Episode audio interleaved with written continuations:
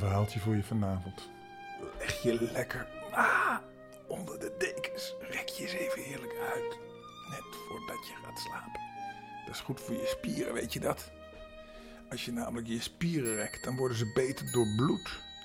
En dan voelen ze lekker warm aan. Mmm. Heerlijk.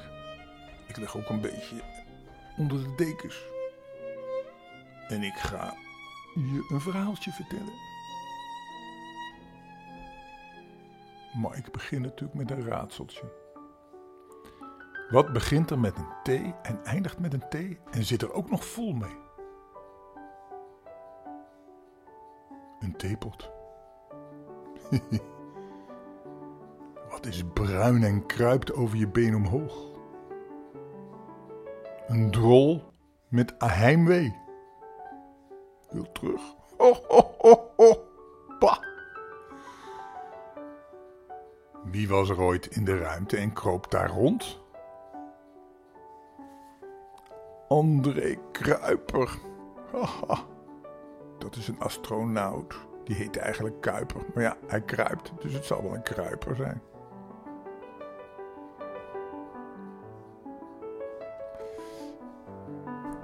Fooi. Een man eet in een restaurant, maar hij betaalt en geeft dan 1 euro fooi. De ober zegt, uw zoon was hier gisteren, hij gaf tien keer zoveel fooi. De man antwoordt, tja, maar mijn zoon heeft een rijke vader en ik niet. hij bedoelt dat hij zelf rijk is, maar het is toch een beetje een knijter. hè? Want hij geeft maar 1 euro fooi. We gaan een sprookje lezen over de schepping van de wereld. Dat is toen de wereld begon. Hè? Daar hebben ze heel veel verschillende verhalen over. Hoe zou de wereld nou begonnen zijn?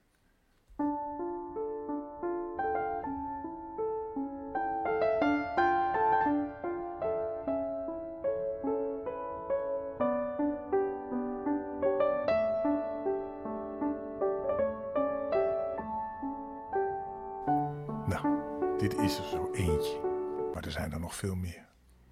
In het begin der tijden bestond de aarde met zijn bergen, zeeën en rivieren nog niet. Er was ook geen uitspansel waaraan overdag de zon straalde en s'nachts de maan blonk en de sterren schitterden. Zonder vaste vormde zweefde de oerstof door een reusachtige bol. De chaos. Toen deze bol openbrak, kwam Panku eruit tevoorschijn. Panku scheidde de zwaarde delen van de bol met de lichtere. En daardoor ontstond de aarde, het zwaardere deel, en de hemel. Panku stond met beide voeten op de aarde. En hij liet de hemel op zijn hoofd rusten. Hemel en aarde werden steeds groter. Maar ook de afstand tussen beiden nam elke dag met drie meter toe. Dit duurde 18.000 jaar. En in al die tijd groeide Panku mee. En toen kwam de beweging tot stilstand en was het grote werk volbracht. Panku strekte zich op de aarde uit en stierf. Uit zijn adem ontstonden de wolken en de wind. Uit zijn stem kwam de donder voort. Uit zijn linkeroog groeide de zon en uit zijn rechter de maan. De haren van zijn hoofd werden sterren en planeten. En uit zijn lichaamsharen kwamen planten en bloemen voort. Uit de welvingen van zijn lichaam ontstonden bergen en uit zijn beenderen rotsen en stenen.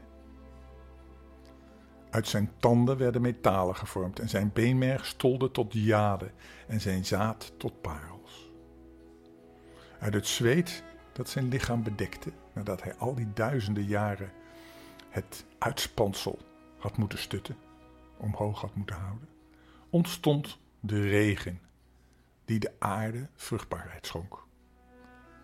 Uit zijn bloed ontstonden de rivieren en uit zijn aderen de wegen die zich in alle richtingen over het land verspreiden. Zo heeft alles op deze wereld zijn ontstaan aan Panku te danken. Maar de aarde was nog woest en verlaten. Mukua, die een drakenlichaam had met een menselijk hoofd, wilde de aarde bewoond zien worden door levende wezens. Met haar klauwen vormde zij mensen uit gele aarde. In plaats van een drakenlijf gaf zij hen een menselijk lichaam met handen en voeten. Alleen het hoofd vormde zij als dat van haarzelf. De eerste mensen die zij zo zorgvuldig gevormd hadden, waren volmaakt. Dat werden edele en rijken. Maar toen zij vermoeid van het werk raakte, doopte zij een touw in de klei en liet er stukken van afdruipen. En dat werden de kreupel en de armen, de zieken en de gebrekkigen. Toen Mukua merkte dat het een eindeloos werk zou zijn om steeds nieuwe mensen te vormen, bracht zij man en vrouw tezamen en leerde hen zich te vermenigvuldigen. Hierna was ook haar werk volbracht en zouden de mensen in vrede en rust met elkaar kunnen leven. Maar er ontstond een grote strijd tussen Kung Kung, de watergeest, en Chu Yun, de vuurgeest. In het begin leek Kung Ku te winnen. Maar uiteindelijk was hij niet tegen de kracht van het vuur opgewassen. Hij moest in de haast vluchten en daarbij stootte hij zijn hoofd tegen de berg Ruchu Shan de pilaar waar de westelijke hemel op rustte. De hele wereld begon te wankelen en er ontstonden grote gaten in het uitspansel.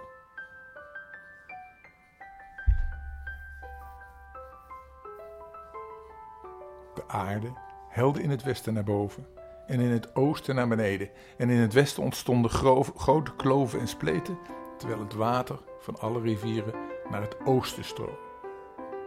Zodat daar een grote oceaan ontstond.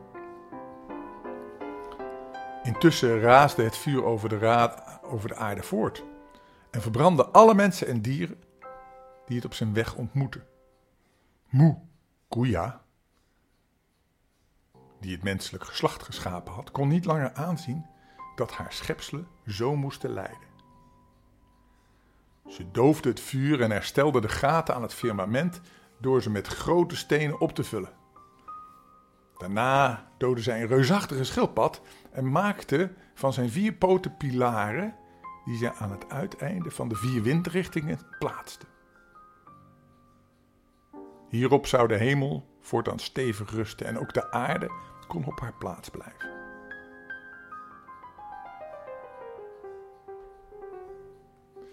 Dit is een Chinese scheppingsmythe over het ontstaan van de aarde uit ei en chaos. Het is fragmentarisch, maar dit is een van de bekendste scheppingsverhalen uit China. Een beetje moeilijk te begrijpen, vind ik wel.